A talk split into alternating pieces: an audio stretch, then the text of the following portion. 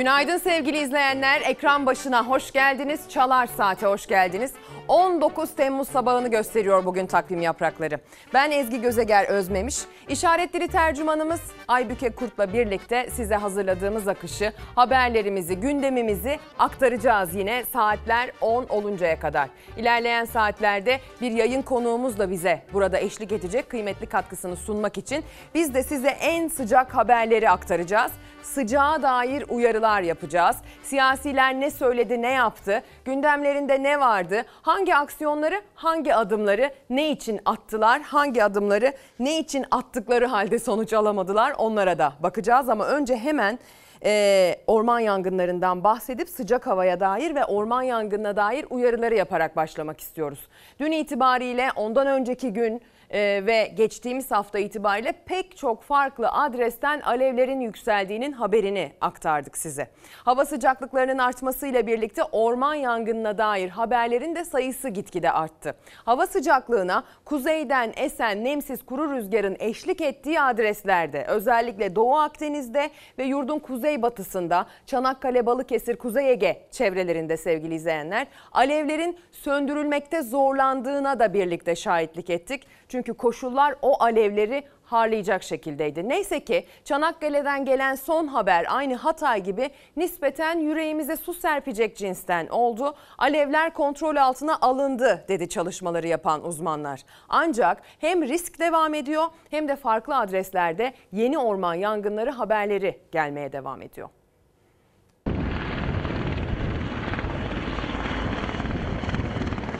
Üç gündür söndürülemeyen yangına Türk Hava Kuvvetleri de müdahale etti. 16 ton yangın söndürme bombası attı. 8 köyün tahliye edildiği Çanakkale'de yangın 52 saat sonra kontrol altına alındı.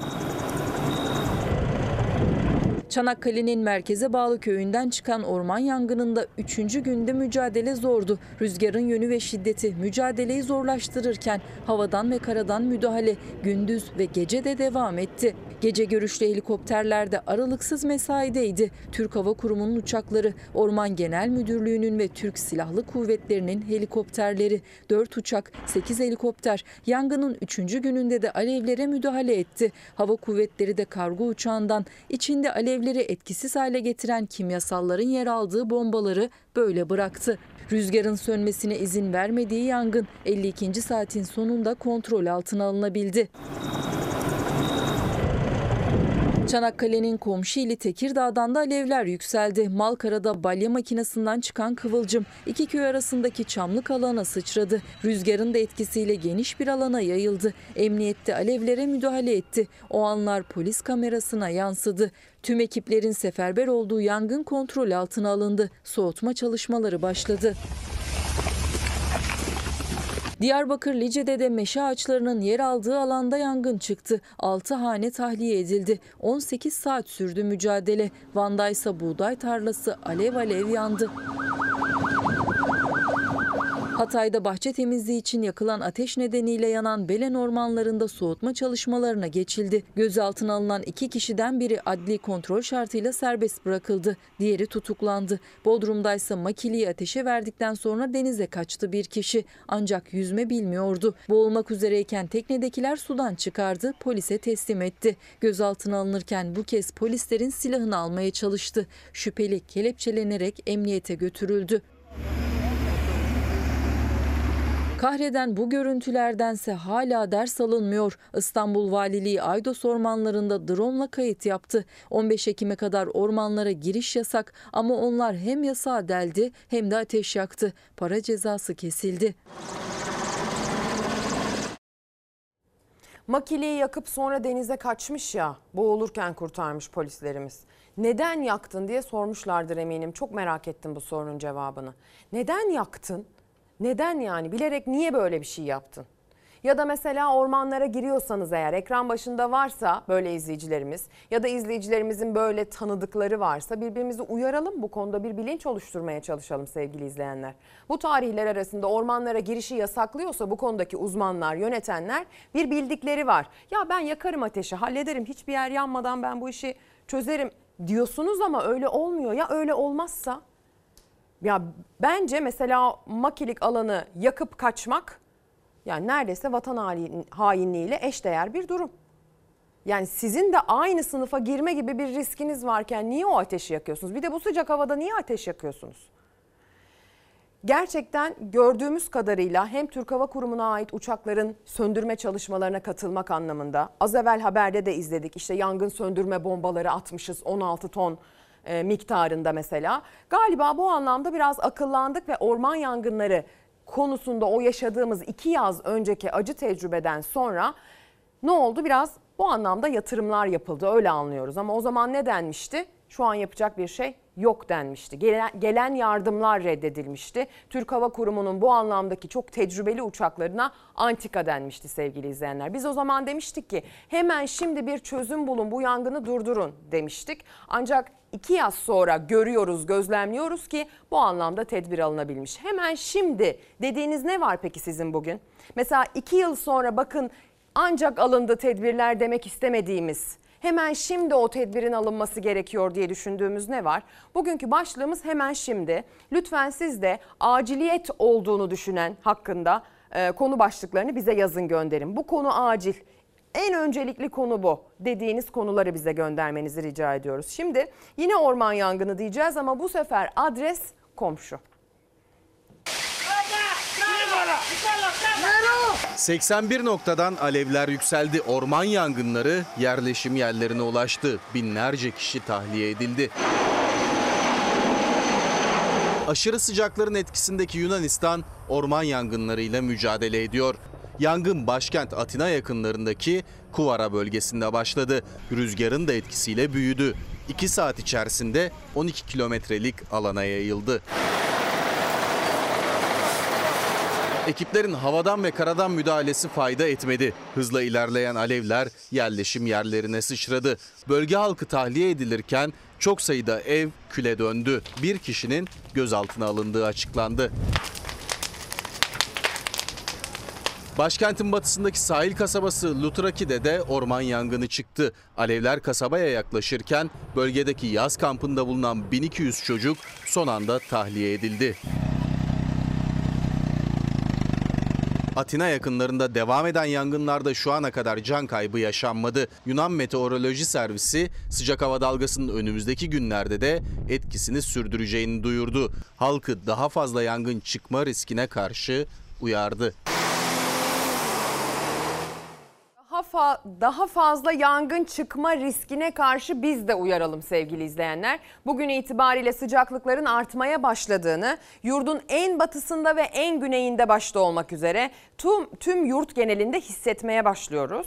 Ege bölgesinde, Marmara bölgesinde, Akdeniz bölgesinde ve Güneydoğu Anadolu bölgesinde aşırı sıcaklıkların bugün itibariyle bunaltmaya başlaması, Perşembe, Cuma, Cumartesi, Pazar grafiği hep yukarı doğru gidecek şekilde sıcaklıkların artması bekleniyor.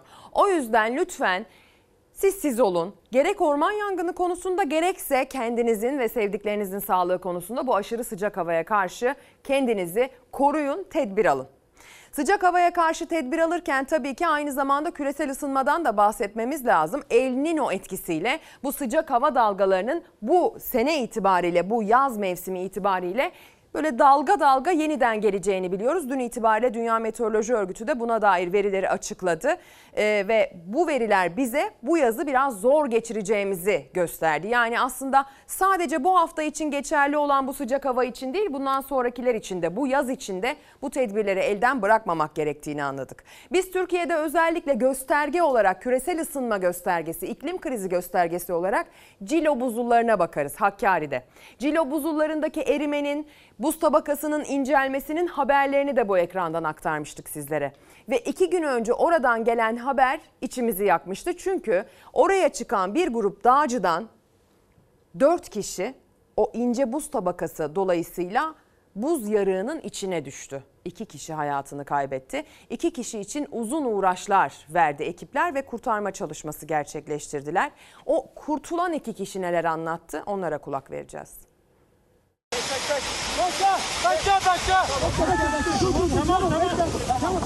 Ben buzulları görünce içime böyle bir korku girdi. Eşime dedim ki işte gitmeyelim. Neyse gittik nasıl oraya vardık. Aşağı düşmeye başladık. Zaten o düşme anı çok kötüydü.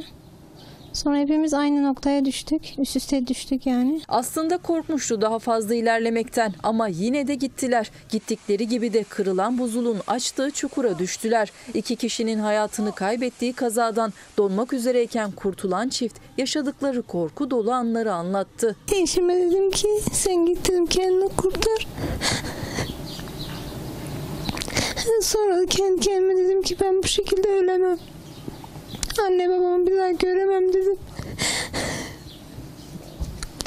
Allah'ım dedim ne olur ölmek istemiyorum. Hakkari'deki Cilo buzullarında çıktıkları gezi kabusla son buldu. Geziye çıkan 4 kişi kırılan buzulla açılan çukurun içine düştü. Çukura düşen Kemal Gülay Avcı çifti yaralı ama bilinçleri yerindeydi. Kalça kemiklerim kırıldığı için yürüyemiyordum. Eşim beni ayağa kaldırdı. Sonra beni böyle 2-3 metre yükseklikte bir buz kütlesinin üzerine sürükledi. Sonra bir arkadaş daha vardı. O eşim onu çıkarmaya çalıştı. Onu çıkaramadı. Diğer başka bir arkadaş daha vardı hakime.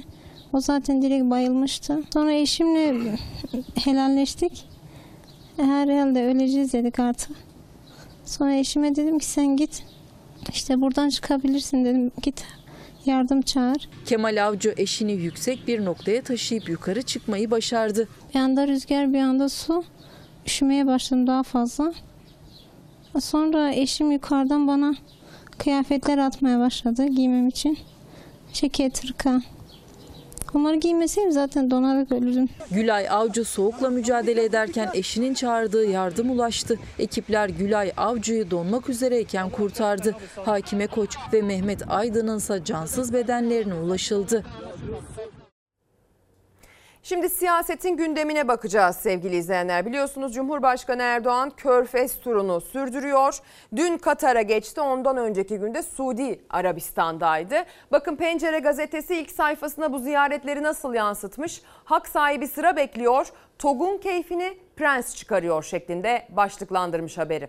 TOG parasını ödediği halde otomobilini almak için Türkiye'de insanları aylardır bekletip verilen sözler tutulmazken TOG'lu diplomasi tam gaz devam ediyor. Cumhurbaşkanı Tayyip Erdoğan Suudi Arabistan ziyaretinde bir zamanların düşmanı Veliaht Prens Salman'a TOG hediye etti. Görüşmenin ardından Veliaht Prens hediye TOG'un direksiyonuna geçti ve Cumhurbaşkanı Erdoğan'ı oteline bıraktı deniyor ve sonrasında bir TOG daha hediye etti aslında adresi ikinci adresinde Katar emini emiri El Saniye de TOK hediye ettiğini biliyoruz Cumhurbaşkanı Erdoğan'ın. Kendisini ikinci adresinde karşılayanlar Mehmet Şimşek ve Merkez Bankası'nın yeni başkanı oldu. Bakın o görüşmelerde hangi anlaşmalar imzalandı ve Türkiye'deki tartışmalarında neler konuşuldu?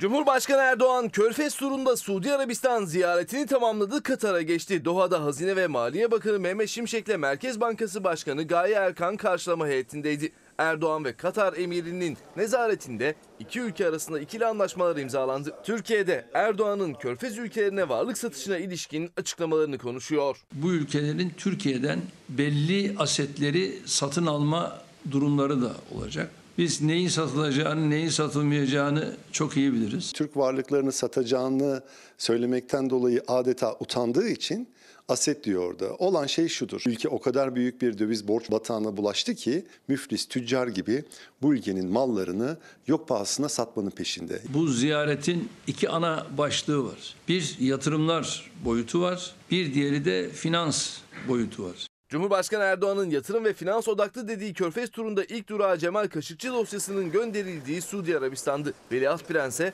TOK hediye etti Erdoğan. Enerji, emlak, doğrudan yatırım ve savunma işbirliklerinin olduğu 5 anlaşma imzalandı. Suudi Arabistan'la Cumhurbaşkanı'nın damadına ait şirket arasında da İHA alımına ilişkin anlaşma yapıldı. O şerefsiz dediklerinin kapısında para dileniyorlar. Bu ülkelerin Türkiye'den belli asetleri satın alma durumları da olacak.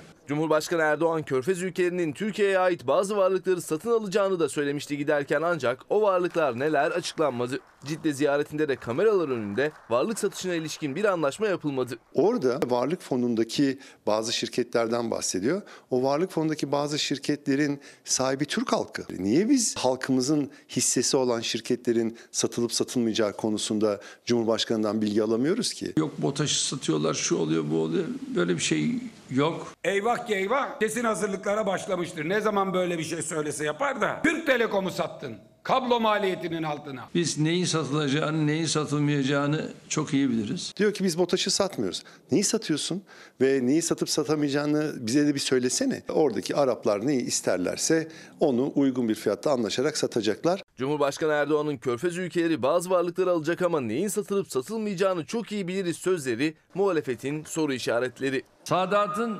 yöneticileriyle, kendileriyle yakından uzaktan hiçbir alakam olmadığı halde Türkiye-Suudi Arabistan İş Forumu toplantıları halen devam ediyor. Cumhurbaşkanı Erdoğan'ın Körfez turunda heyetinde Kılıçdaroğlu'nun paramiliter olarak işaret ettiği Erdoğan'ın alakam yok dediği Sadat'ın yöneticisi de var.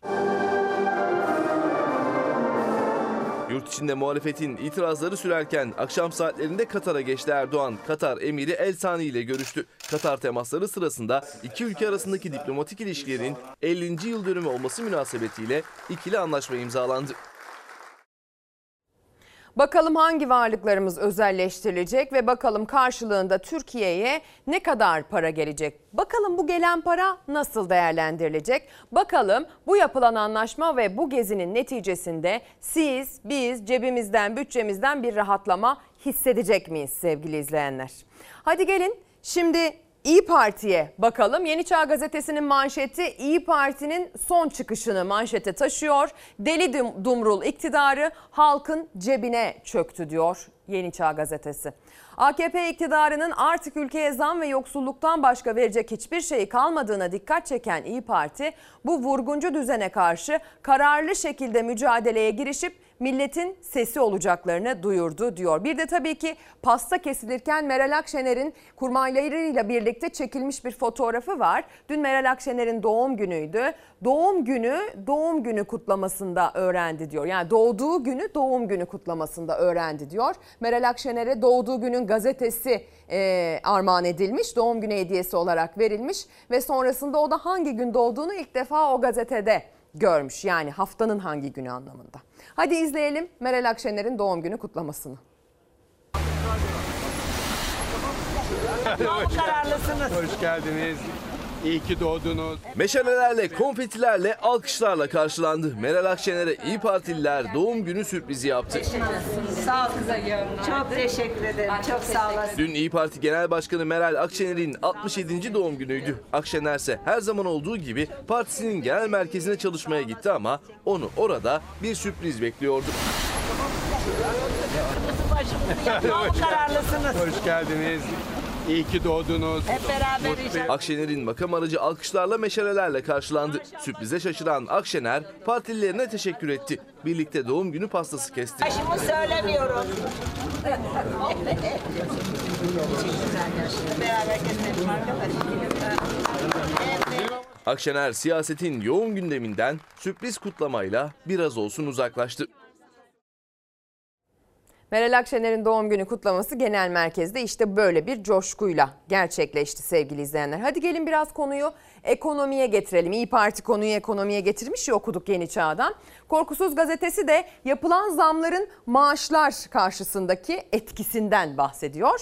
Zam yapılan maaşlar zamlara dayanamadı diyor manşetten Korkusuz. Bir ayda iğneden ipliğe, akaryakıttan vergiye her şeyin fiyatı fahiş arttı. Asgari ücret sağanak gibi yağan zamlar yüzünden eridi gitti. Çalışan seçim öncesi 8506 liralık maaşıyla 456 litre motorin alırken şimdi eline geçmeyen zamlı maaşıyla 352 litre alabilecek.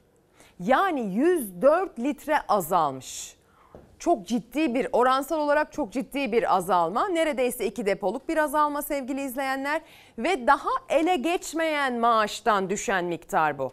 Ve daha o ÖTV ile gelen dev akaryakıt zammının iğneden ipliğe hani sirayet etmesi de zincirin böyle halkalarının birbirini takip etmesi de henüz tam olarak gerçekleşmedi. Daha etkisi sürecek. Yani aslına bakarsanız size ne kadar zam yapıldığına değil de kıyaslayarak sizin eski maaşınızla ve yeni maaşınızla alabildiğiniz benzini ya da sofranıza koyduğunuz eti, sabah kahvaltıda yemek arzusu içinde olduğunuz peyniri, hani yiyip yiyemediğinizi bilemiyoruz artık çünkü uçtu. etle yarışır hale geldi. Bunlarla kıyaslayarak bakmak gerektiğini söylüyor ekonomistler. Geçmişle kıyaslayabilirsiniz, alım gücünüzle kıyaslayabilirsiniz. Yani oransal olarak size yapılan zammı böyle sorgulayabilirsiniz. Her şey zor oluyor. Yağdan tutun, etten tutun. Biraz önce peynir aldım işte. Yani küçücük bir kalıp peynir bile 100 liradan aşağı değil. Normalde Almanya'da yaşıyorum. Ee, ama geldim şok oldum fiyatları görünce. Euro çıktıkça ben sevinmiyorum. Kesinlikle sevinmiyorum. Üzülüyorum hatta. Bizim TL'deki değer kaybına bakarsan zaten her şey ortaya çıkıyor. 200 TL'miz çıktığı zaman 132 dolar alıyorduk. Şu anda 10 dolar alamıyorsun. Avrupa mesela 200 euro ile 25 kilo et alıyor. E ben 200 lirayla yarım kilo alamıyorum. Yeni rekoruyla tüm ürünlere zam olarak dönecek dolar kurundaki artış. Bu da çalışanların, emeklilerin maaşını eritiyor. Yeni asgari ücret açıklandığı gün 20 Haziran'da dolar kuru 23 lira 60 kuruştu. Asgari ücret 483 dolara denk geliyordu. 26 lira 98 kuruşluk zirve ile zamlı asgari ücretin karşılığı 422 dolara geriledi. Kayıp 61 dolar yani 1645 lira düştü asgari ücretlinin alım gücü. Bu erimeyi en çok da gıda alışverişinde hissediyor çalışanlar. Çalışanız ama aldığımız maaşla geçinemiyoruz. Zamlar geliyor ama zamla birlikte gıdaya, yakıta, elektriğe, her şeye zam devam.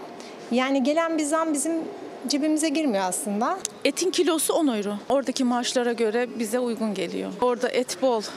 Yani fiyat sıkıntısı yaşamıyoruz. Kıymadır, ettir, şudur. Mangal, her, her hafta mangal yapabiliyoruz. Hepimizin arabası var. Burada çalışan bir asgari ücretli olsaydınız Düşünmek bile istemiyorum. Yok.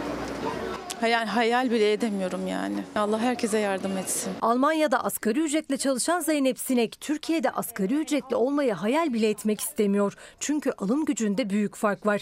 1987 euroluk asgari ücretle 198 kilo et alabiliyorlar. Türkiye'de ise 30 kiloya geriledi. İnsanlarda alım gücü maalesef düştü.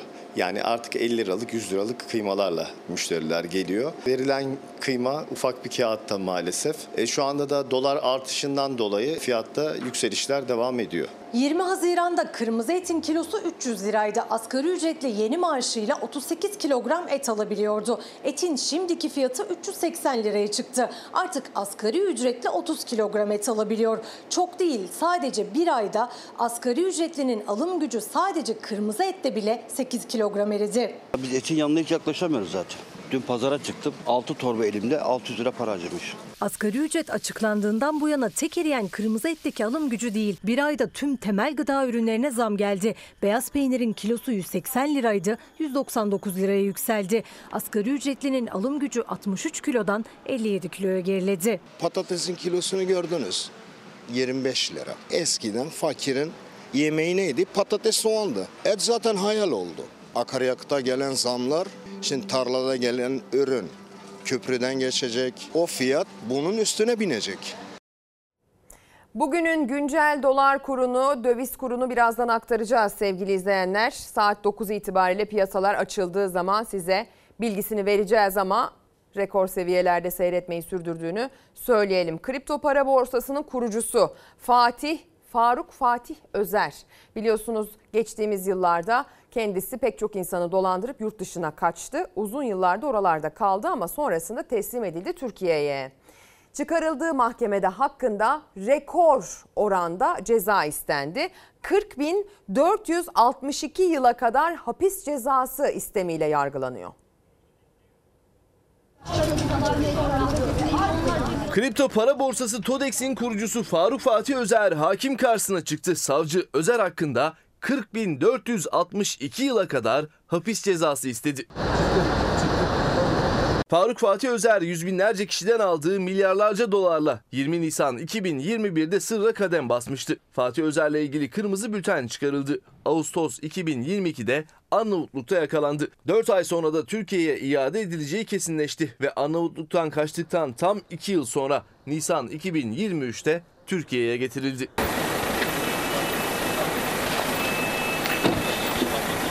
...400 bin mağduru dolandırmakla suçlanan kripto para borsasının kurucusu Fatih Özer'in de aralarında bulunduğu 7'si tutuklu 21 sanığın yargılandığı davada savcı dün mütalasını açıkladı. Özer ve iki kardeşi hakkında savcı nitelikli dolandırıcılık, suç işlemek amacıyla örgüt kurma ve suçtan kaynaklanan mal varlığının değerlerini aklama suçlarından 12.142 yıldan 40.462 yıla kadar hapis cezası istedi.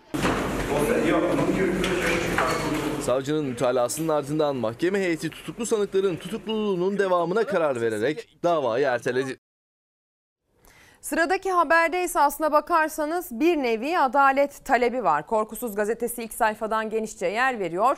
Kaza değil resmen cinayet diyerek. Hız canavarı bisikletçiye çarpıp öldürdü. İstanbul'da Doğanay Güzelgün'ü öldürüp kaçan sürücü suçu üstlenmesi için olay yerine bir başkasını yolladı deniyor. Eğer bir ülkenin sokaklarında bisiklet kullanıcıları, motosiklet kullanıcıları rahat, hoşgörü içerisinde karşı tarafın farkındalığı yüksek olması dolayısıyla böyle normal bir şoför gibi yolculuk yapabiliyorsa hani ekstra dikkat etmesine gerek kalmıyorsa o ülke gelişmiş demektir.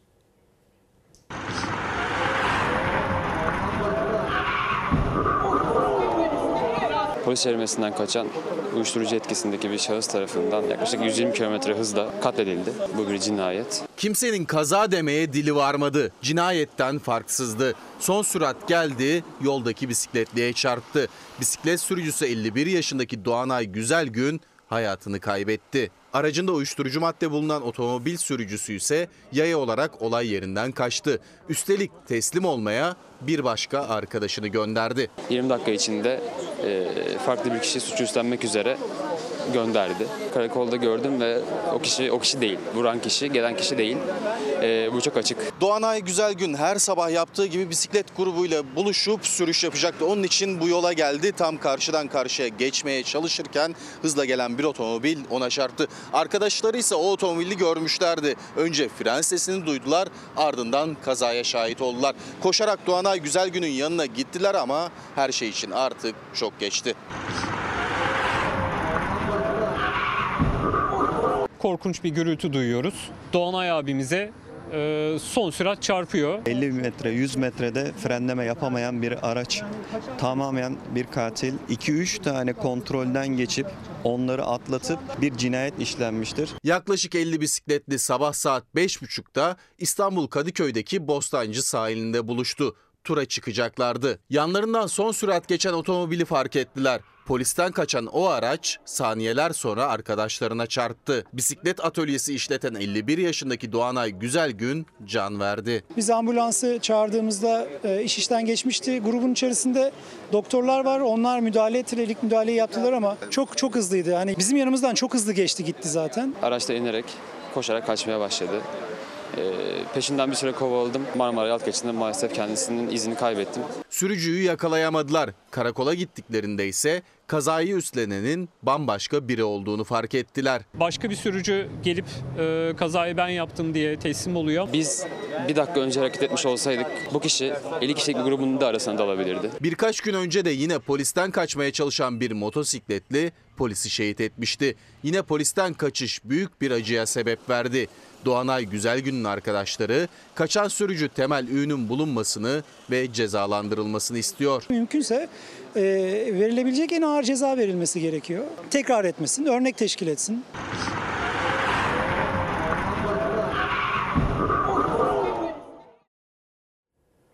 Şimdi bir başka kazayı hatırlatmak için sizi Çorlu'ya doğru götüreceğim sevgili izleyenler. Biliyorsunuz 2018'de bir 8 Temmuz tarihinde Çorlu'da Türkiye tarihine maalesef kara bir leke olarak kazanacak bir tren faciası yaşadı. 25 kişi can verdi, can verenlerin 7'si çocuktu.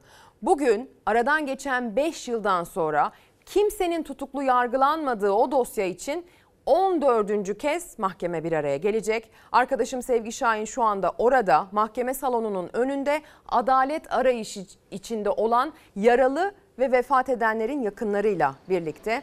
Sevgi nedir oradaki durum? Söz sende.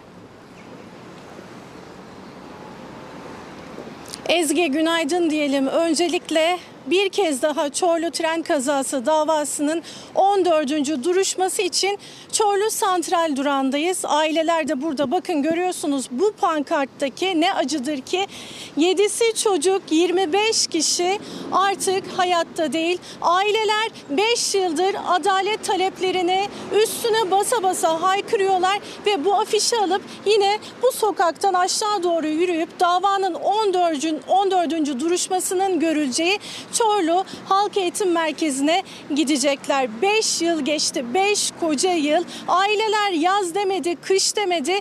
Duruşmalara gittiler.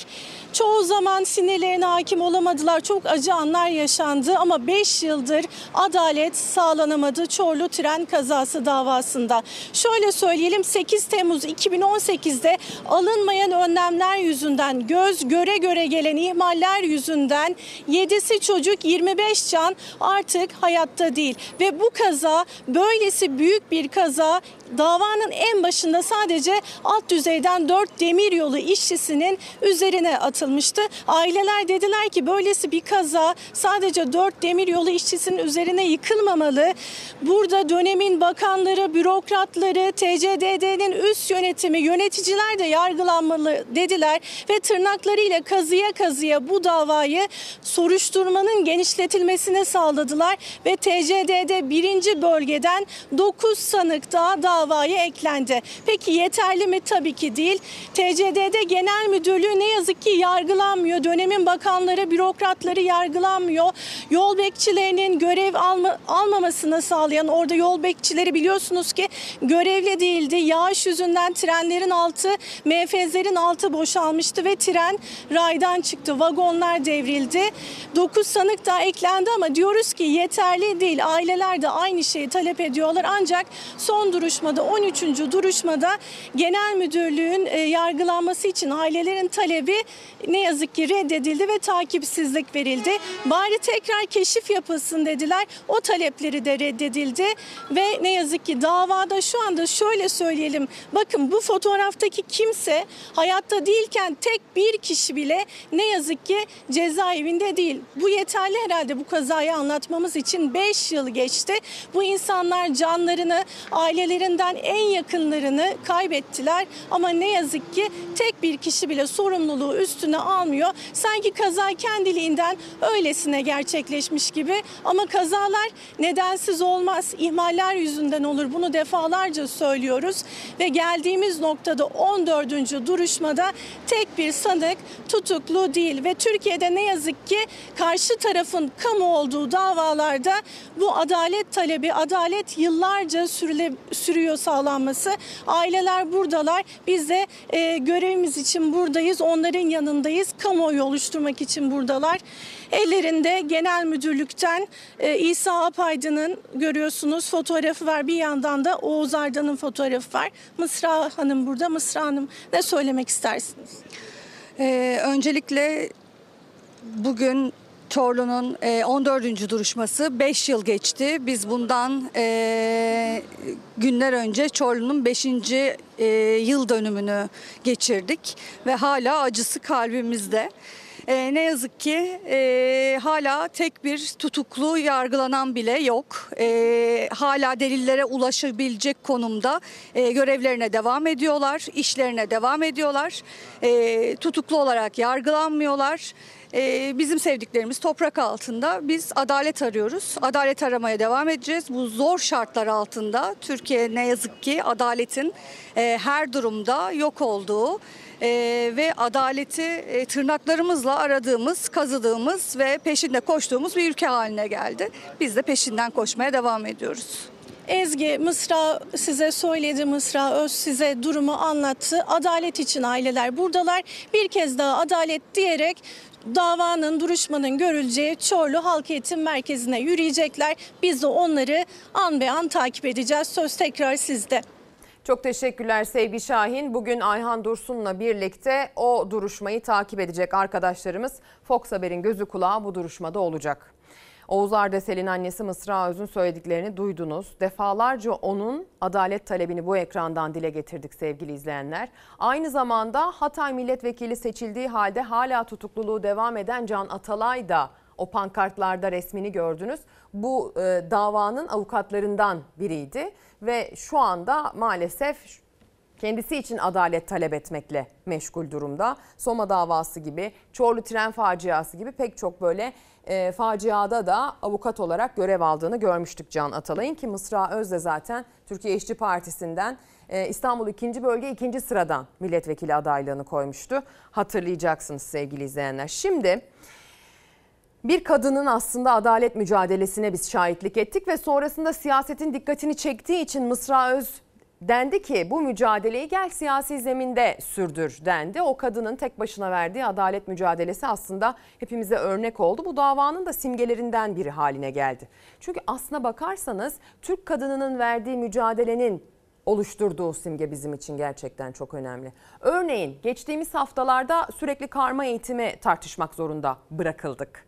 Çünkü Milli Eğitim Bakanı geçmiş yıllarda yaptığı bir açıklamayı tekrar açıklarken aslında bu anlamdaki talebinin sebebini söylerken kendi bakış açısını ortaya koymuş oldu. Sonrasında öyle dendi ki kulislerce e, Milli Eğitim Bakanı aslında bunu söylemek istememiş. Milli Eğitim Bakanı böyle anlaşıldığı için üzülmüş diye de kulislere yansıdı. Ne kadar doğrudur teyide muhtaç bir bilgidir. Ancak sonrasında peşi sıra bir sürü iktidar ortağı parti, iktidar ortağı siyasi isim evet kızlarla erkekler ayrı okuyabilir. Evet karma eğitim o kadar da önemli değildir minvalinde açıklamalar geldi.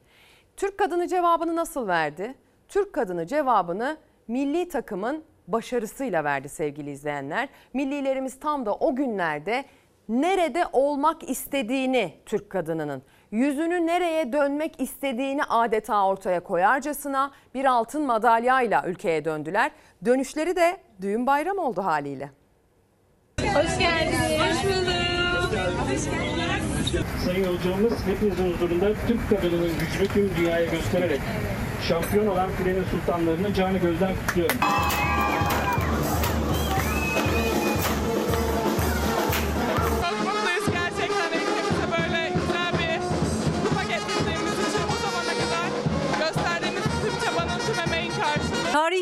İlk kez altın madalya kazanarak tüm Türkiye'nin göğsünü kabarttı filenin sultanları A Milli Kadın Voleybol takımı Milletler Ligi'nde Çin'i 3-1 yenerek şampiyon oldu. Amerika'dan Türkiye'ye dönüşlerinde büyük coşkuyla karşılandılar.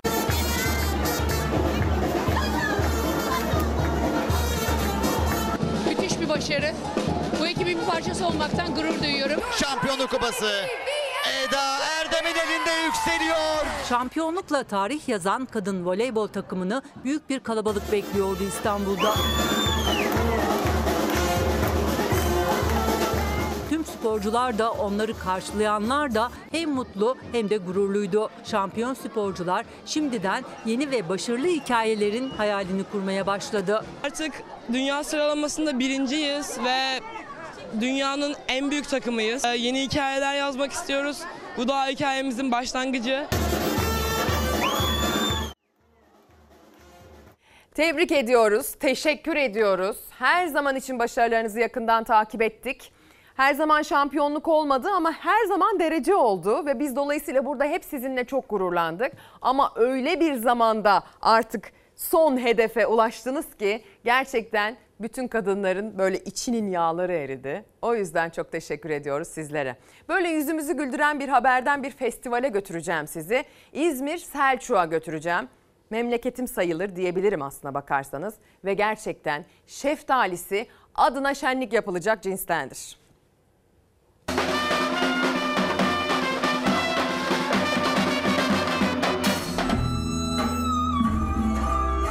Bu şenlikler çok dünyaya tanıtıyor bizi. Esnaf kalkınıyor, çiftçi burada ürünü tanıtıyor. Hem pazarlıyoruz, bak kendi ürünlerimiz bunlar. Hem pazarlıyoruz hem tanıtıyoruz. Dünya tanıyor bizi yani. Gel olsun şeftali. Eğer çiftçi yoksa üretim yok. Üretim yoksa hayat yok. Hayatın daim olmasını isteyenlerdeniz. Şenliğimiz hayırlı olsun efendim. Ege'nin bereketli topraklarında yetişti şeftaliler. Üretici ve tüketici şen şeftali şenliğinde bir araya geldi. Şeftaliler kendi bahçemizden. Kendimiz üretiyoruz. Her yıl oluyor. Memnunuz yani. Tek bir kararla mazotun fiyatı arttı. Tek bir kararla. Çiftçinin artık üretimi o kadar kolay değil. Her geçen gün girdi maliyetlerinin fazlalaşması sebebiyle gerçekten çiftçi çok zor durumda. Efes Selçuk Belediyesi düzenledi şenliği. Belediye başkanı artan maliyetlere dikkat çekti. Çiftçinin yanındayız dedi. Belivi Şen Şeftali Şenliği renkli görüntülerle büyük ilgi gördü. Bu festivalin düzenlenmesi e, şeftalilerimizin tanıtım açısından iyi oldu. En güzel şeftali yarışmasının da düzenlendiği şenlik Ege Türküleri konseriyle son buldu.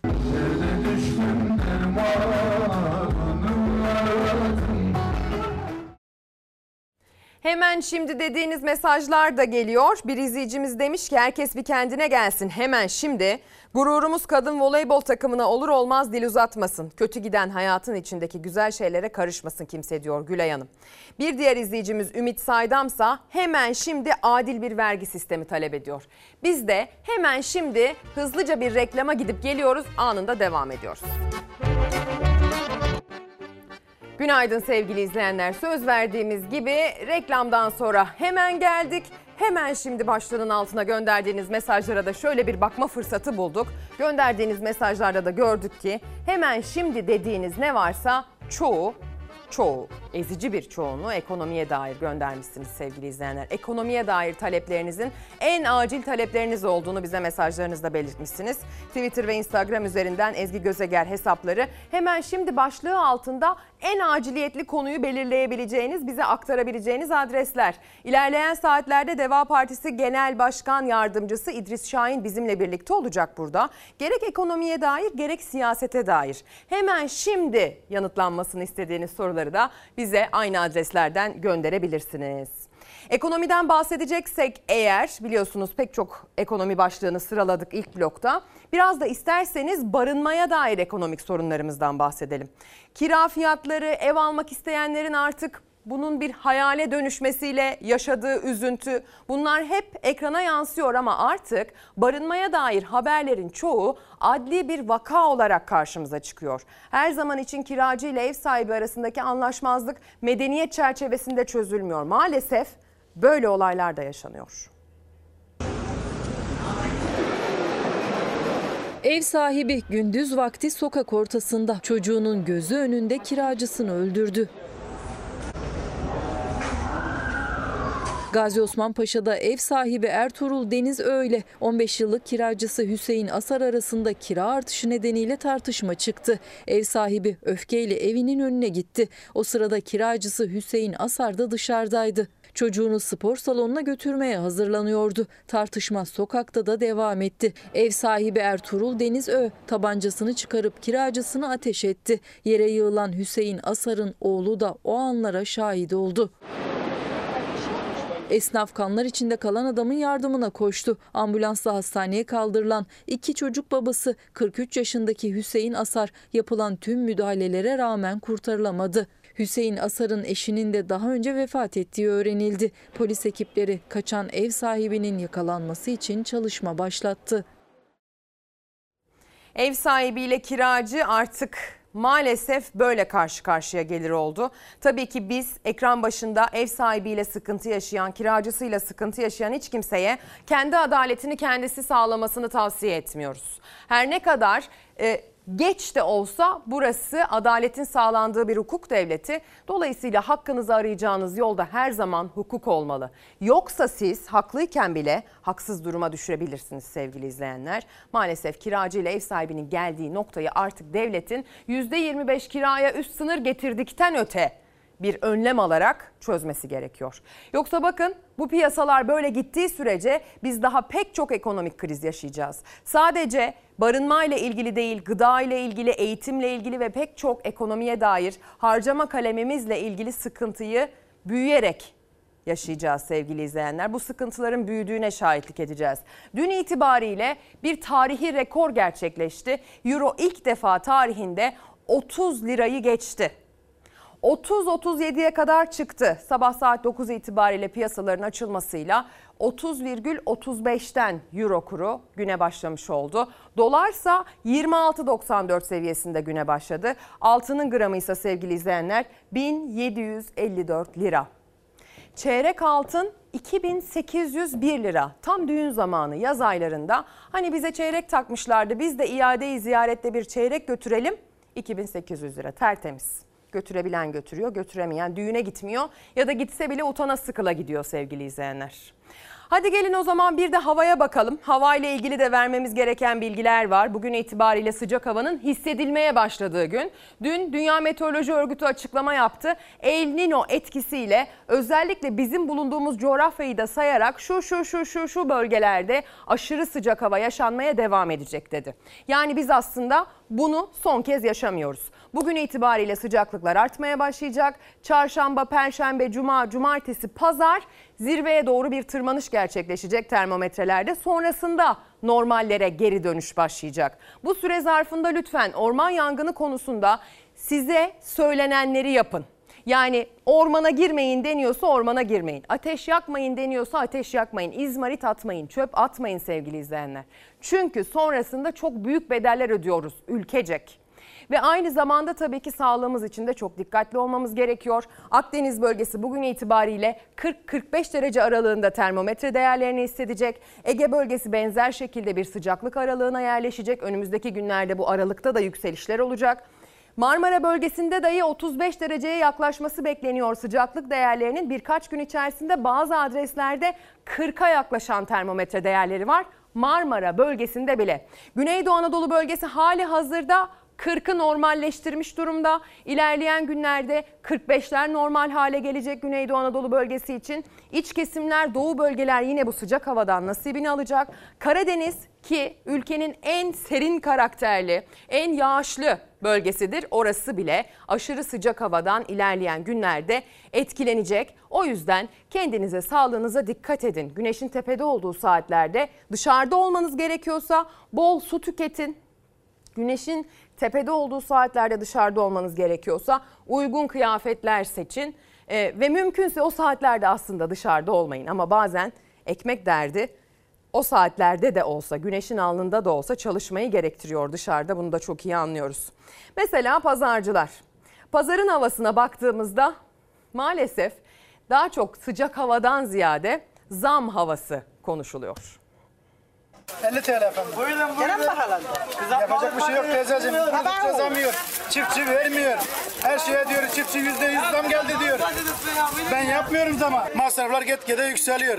Adana'ya 1000 liraya kan araba şimdi 1200-1300'e çıktı. Bu da ister istemez müşteriye yansıyacak. Çiftçiye varsan çiftçi ağlıyor. Pazara gelsen müşteri ağlıyor. Ne edeceğiz bilmiyoruz. Tezgahımız boş. Normalde biz çeşitçiyiz. Tezgahımız boş. Getiremiyoruz. Korkuyoruz, zarar ediyoruz. Geçen hafta 18 liraya aldık. Burada 10 liraya çilek sattık. Zararımız 15 milyar. Burada döktük çileği. Satamadık. Müşteriden dolayı müşteri yok. Alım gücü yok. Aldığım bir, bir salatalık başka bir şey alamadım. Soğanı so, soruyan güç etmiyor. Patates soruyan güç etmiyor. Devletin verdiği maaş hani yavrum hey. Trene yavrum trene neymiş maaş veriyorum. Al sana maaş.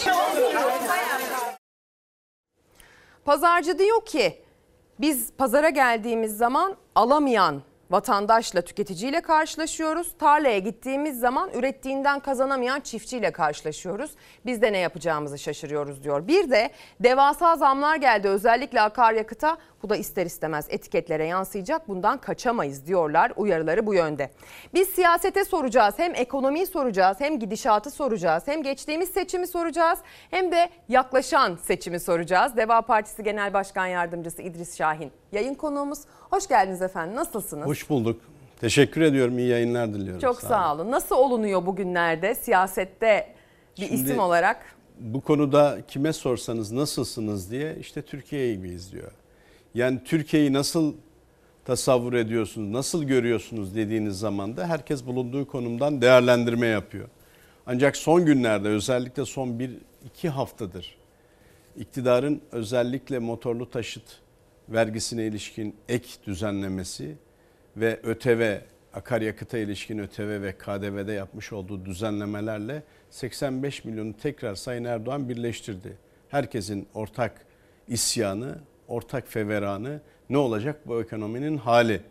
Şimdi buraya geleceğimizi öğrenen vatandaşlarımız sosyal medyadan yazıyor. Diyor ki sayın vekilim lütfen dile getirin. Perişan durumdayız. Kim söylüyor bunu? Çiftçi söylüyor. Kim söylüyor? Esnaf söylüyor.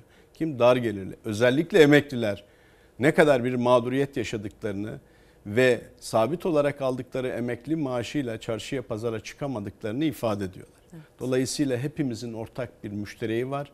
Geçim. Farklı ideolojilerden gelebiliriz, farklı dünya görüşlerine sahip olabiliriz ama geçimde ve mutfakta birleşiyoruz. O, o yüzden mutfak herkesin ortak konusu.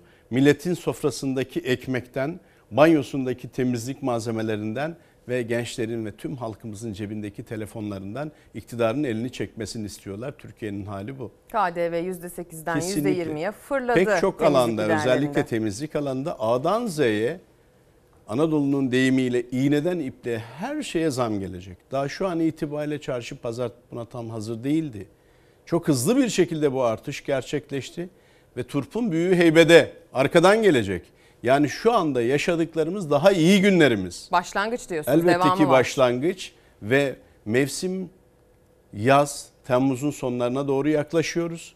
Önümüzdeki ay Ağustos, Eylül, Ekim'de Allah vatandaşımıza sabır versin. Çok daha zor şartlarda vatandaşımız ekonomiyle karşı karşıya kalacak. Hayat pahalılığıyla karşı karşıya. Çünkü okullar açılacak. Okul masrafları başlayacak. Servis masrafları başlayacak. Üniversite kazanların yurt ihtiyacı ve ulaşım giderleri. Şu an itibariyle çoğunu vatandaş evinin önündeki bahçesinden kaldırabiliyor. Ama Antalya'daki meyve sebze fiyatları neyse İstanbul'da da aynı olduğunu görüyoruz. Ve özellikle şu an itibariyle ÖTV sonrası ve KDV eklenen KDV ile litre başına 6 lira mazota zam geldi. Düşünün ki Antalya'da yüklediğiniz bir kamyon İstanbul'a hangi fiyatta gelecek? Erzurum'a hangi fiyatla gelecek? İşte Erzurum'daki emekli de İstanbul'da sabit gelirle yaşayan vatandaş da şu an itibariyle yapılan zamların acısını önümüzdeki günlerde daha net bir şekilde hissedecek. Siz aslında bu uyarıları siyaseten.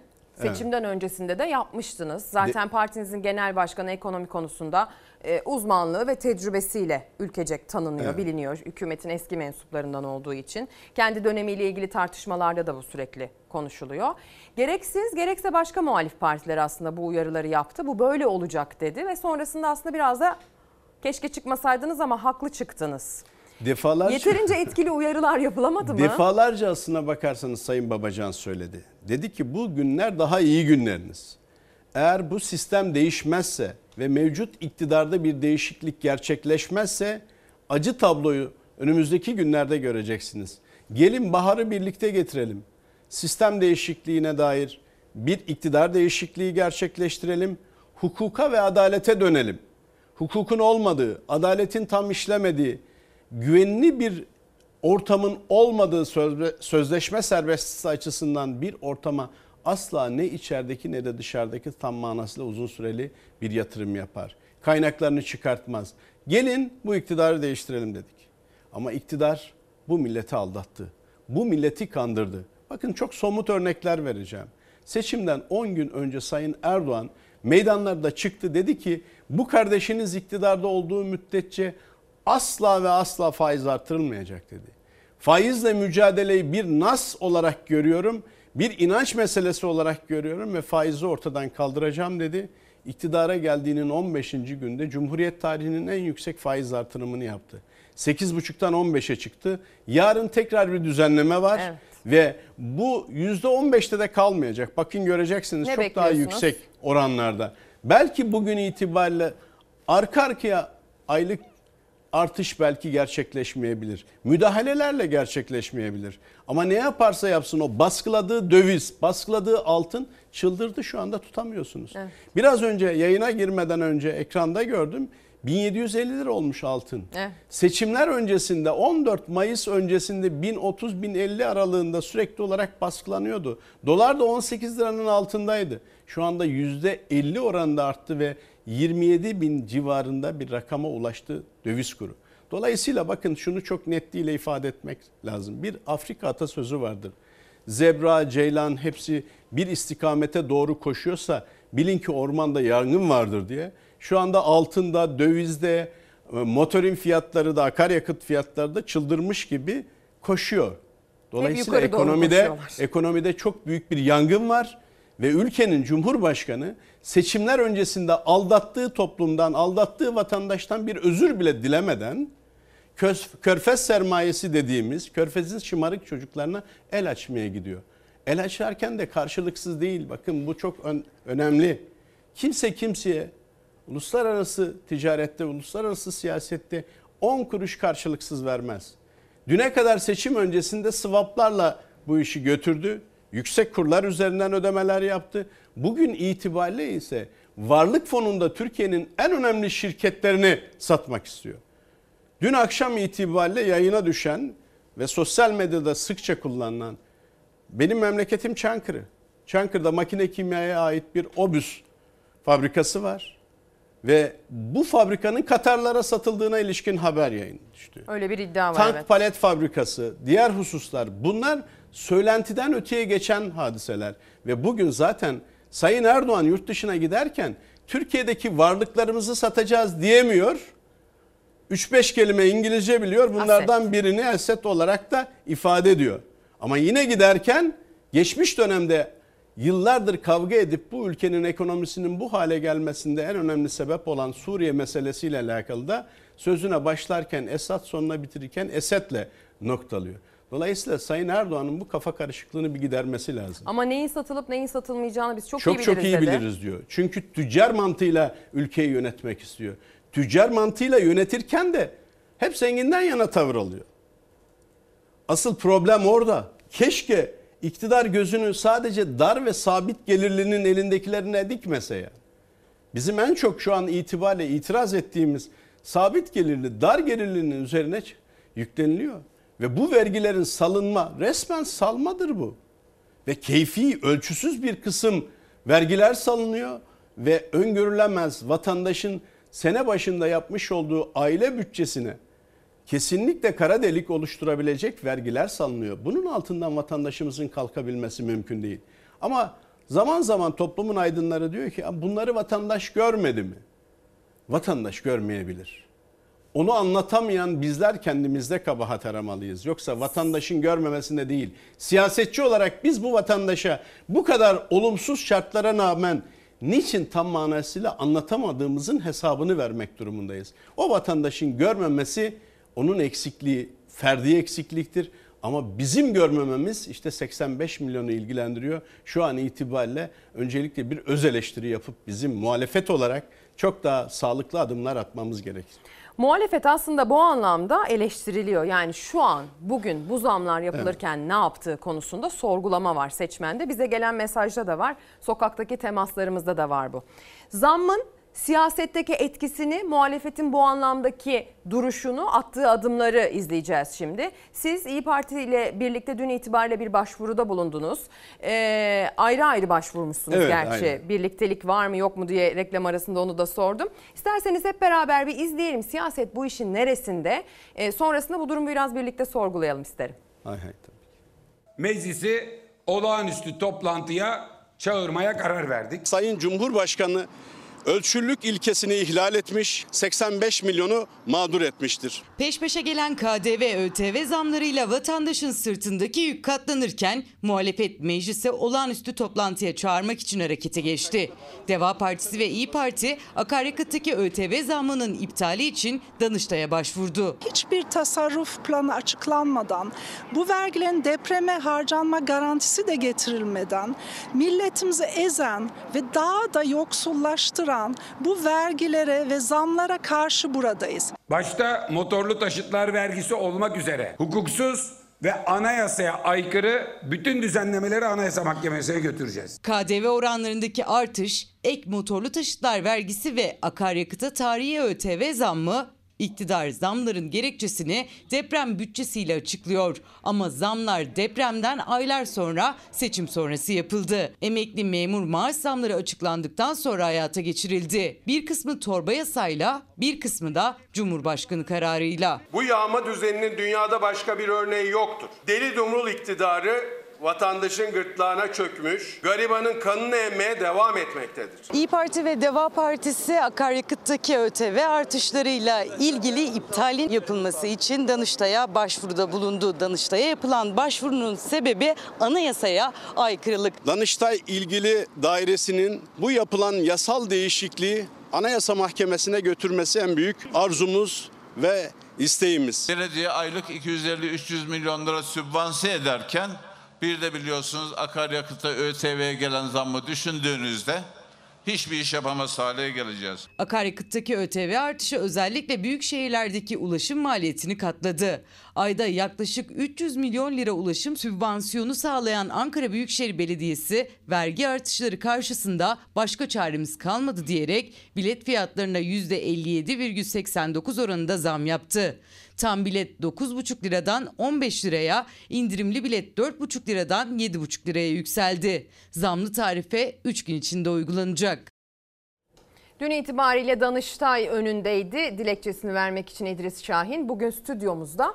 Tabii ben e, yaklaşan seçimi de göz önünde bulundurarak İyi Parti'nin de benzer bir başvuru yapmasından yola çıktım. Ve acaba hani iki ittifak ortağı olarak ortak bir adım mı atıldı sorusunu sordum. Öyle değilmiş ama benzer adımlar aynı gün atılmış. Evet farklı farklı e, gerekçelerle e, Danıştay'a müracaat ettik. Birbirimizle haberdar değiliz ama ülkenin ortak sorunlarında tabii ki muhalefet olarak ortak adımlar atmak durumundayız. Aklın yolu bir aslında. Kesinlikle. Özellikle şunu ifade edeyim ki ben çok değerli hukukçu arkadaşlarımız da var İyi Parti'de. Onların da bizim de temel referans kaynağımız şu mevcut anayasamız. Bu anayasaya uygun herkesin hareket etmesini bekliyoruz. Anayasaya aykırılık olduğu takdirde de bir hukuk devletinde bizim başvuracağımız, müracaat edeceğimiz yegane yer bağımsız olduğuna inandığımız, az da olsa hala bağımsızlığını koruduğuna dair inancımızın var olduğu mahkemelerdir. Dolayısıyla parlamentodan geçen her iki yasada da özellikle Sayın Erdoğan'a vur denmiştir. Sayısal çoğunluğuna güvenerek iktidar milletvekilleri işin detayını incelemeden vatandaşa bunun ne kaybettireceğini görmeden Sayın Erdoğan'ın elini kuvvetlendirmiştir. Ama Sayın Erdoğan vur denildiği zaman öldürmüştür şu an itibariyle. 85 milyonu gerçek anlamda ifade edeyim ki yüzde e, artışları itibariyle akaryakıtta ÖTV'de ve KDV'de yapmış olduğu vergi zamlarıyla birlikte 7'den 70'e bütün vatandaşımızı ilgilendirecek ve mağdur edecek bir düzenlemeye imza atmıştır. Bu Cumhurbaşkanlığı kararı Danıştay'a taşınmak durumundadır. Biz mecliste gerekli çoğunluğumuz olmadığı için bu yasanın geçtiği tarih itibariyle Anayasa Mahkemesi'ne müracaat edemedik. 152. madde kapsamında anayasanın 152. maddesi kapsamında Danıştay ilgili dairesi ilk derece mahkemesi sıfatıyla bu ölçüsüz ve kanunilik ilkesinin gaspı niteliğindeki bu Cumhurbaşkanlığı kararını Anayasa Mahkemesi'ne götürsün dedik. Sadece bu işlemin yürütmesinin durdurulmasını idari yargıdan istemiyoruz. Aynı zamanda burada kanunilik ilkesinin bir gaspı vardır. Meclisin vergi salma yetkisi ölçüsüz bir şekilde Sayın Cumhurbaşkanı tarafından kullanılmıştır. Danıştay bunu Anayasa Mahkemesi'ne götürmeli ve Anayasa Mahkemesi'nden de bu e, yapılan işlem iptal edilmelidir parlamentodan geçen yasa. Önceliğimiz bu. Ha biz ne yapmamız lazım? Vatandaş bize bu seçimde demokratik denetim yetkisi verdi muhalefet olarak. Bu denetim yetkisini güçlü bir şekilde parlamentoda kullanın dedi. Şu an itibariyle Deva Partisi'nin grubu yok. Ama 15 milletvekili arkadaş olarak bir raporlu arkadaşımız haricinde 14'ümüz bu yasa geçerken meclisteydik ve red oyu kullandık.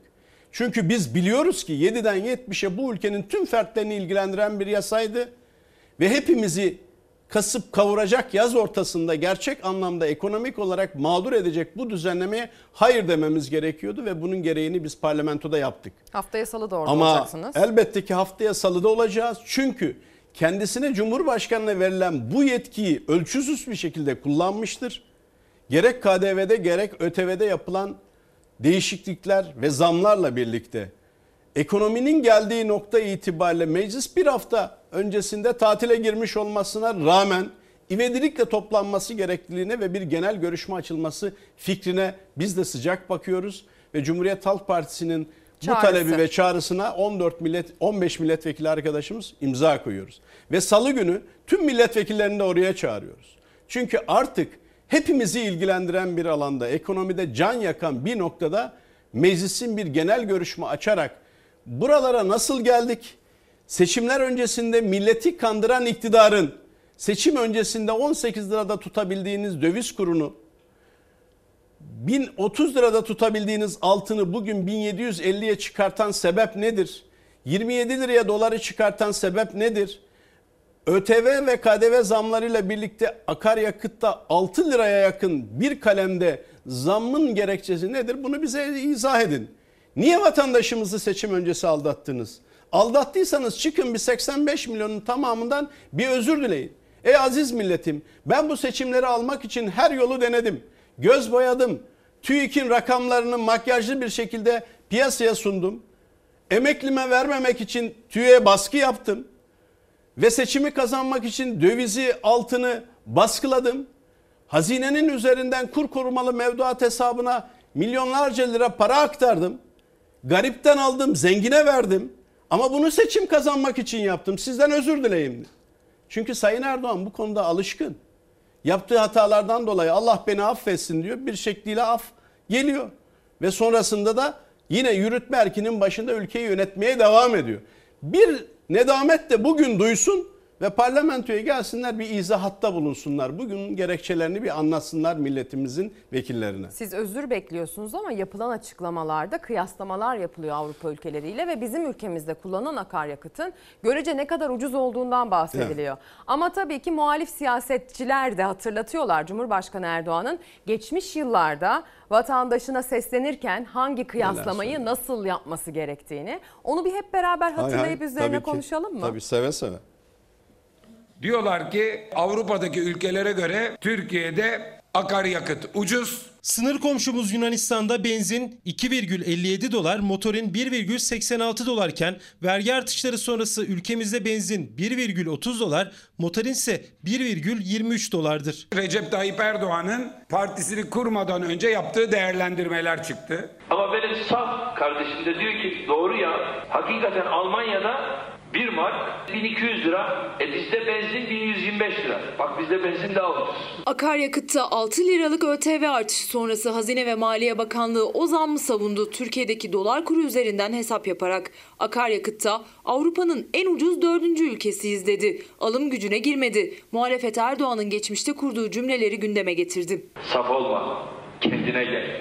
Çünkü ekonomide kaide alım gücüyle ölçülür. Madem bu kadar büyük bir ihtiyaç vardı ve depremin yaralarını sarmak için bu vergi artışları yapılmalıydı. O zaman neden depremden hemen sonra yapmadılar? Çünkü bir sebebi var. Depremden sonra hemen seçim vardı. Seçim bitti iktidar KDV ÖTV artışlarını ek vergileri tek tek hayata geçirdi. ÖTV artışıyla benzin ve motorin litre fiyatı 6 lira yükseldi. Hazine ve Maliye Bakanlığı zammı savundu. Avrupa ülkelerinde akaryakıtın dolar fiyatıyla Türkiye'deki dolar kurunu kıyaslayarak ÖTV zammına rağmen akaryakıtın Türkiye'de ucuz olduğunu söyledi. Yapılan artışa rağmen ülkemiz halen benzinde de motorinde de Avrupa'da en ucuz dördüncü ülke konumundadır. Bizde 10 bin doların biraz üzerinde bir milli gelirimiz var. İzlanda bizden pahalı benzin alıyor. Milli gelir 74 bin dolar. Hollanda'da 56 bin dolar. Bakanlığın tablosuna göre en pahalı benzinin satıldığı İzlanda'da asgari ücret 2900 dolara denk geliyor. 1266 litre benzin alınabiliyor. Almanya 8. sırada. Asgari ücretlinin alım gücü 1116 litre. Türkiye'de zamlı asgari ücret 423 dolara geriledi. Asgari ücret sadece 325 litre benzine karşılık geliyor. Sen nasıl oluyor da ya Almanya ile benzini mukayese ediyorsun? Demek ki Almanya'daki çalışmayan işçi Ahmet, Türkiye'deki çalışan işçi Ahmet'ten aylık geliri itibariyle çocuk paralarını katmıyorum. 1280 kere daha fazla huzur içinde, refah içinde yaşıyor. Saadet Partisi Grup Başkan Vekili Selçuk Özdağ, Cumhurbaşkanı Erdoğan'ın yıllar önce yaptığı bu konuşmayı gündeme getirdi. Erdoğan iktidarın Avrupa ülkeleriyle akaryakıt fiyatı kıyaslamasına tepki gösteriyor. Esas olan alım gücüdür diyor. Ama benim saf kardeşim de diyor ki doğru ya hakikaten Almanya'da 1 mark 1200 lira. E bizde benzin 1125 lira. Bak bizde benzin daha ucuz. Saf olma. Kendine gel. Çünkü ekonomide kaide alım gücüyle ölçülür. Ülkenin başına musallat olmuş zatın nasıl bir söylemden, nasıl bir muhalefet dilinden geldiğini görmek lazım. Geçmişte iktidarı akaryakıt fiyatları üzerinden döviz kuru kıyaslaması yaptığı için eleştiren Erdoğan, bugün iktidar ve bakanlık ÖTV zammını kur hesabıyla savunuyor. Saf olma kendine gel demiş. Alım gücü böyle ölçülmez böyle ölçülür demiş. Bir görecelik koyması Evet. gerektiğini söylemiş vatandaşa. Siz ne söylersiniz? Ben Sayın Erdoğan'ın diliyle vatandaşımıza hitap etmem. Saf olma demem. Ama uyanık olmasını tavsiye ederim ve vatandaşımızın uyanması gerekiyor. Niçin uyanması gerekiyor? Burada motorin fiyatları üzerinden çok konuşuyoruz. 7'den 70'e herkesi ilgilendirdiği için. Ama hasat mevsimi. Bir de çiftçimiz üzerinden konuşalım. Sayın Erdoğan Almanya ile Türkiye'yi kıyaslıyor ve oradaki motorin fiyatları üzerinden diyor ya.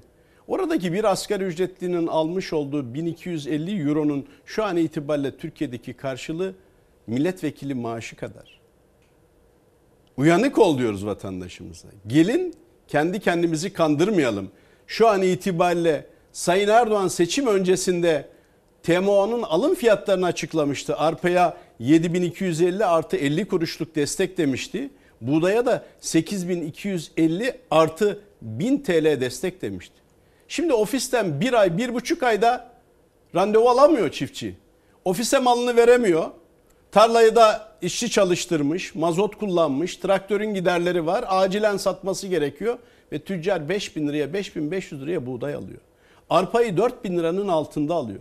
Şimdi biz Anadolu çiftçisine buradan sesleniyoruz.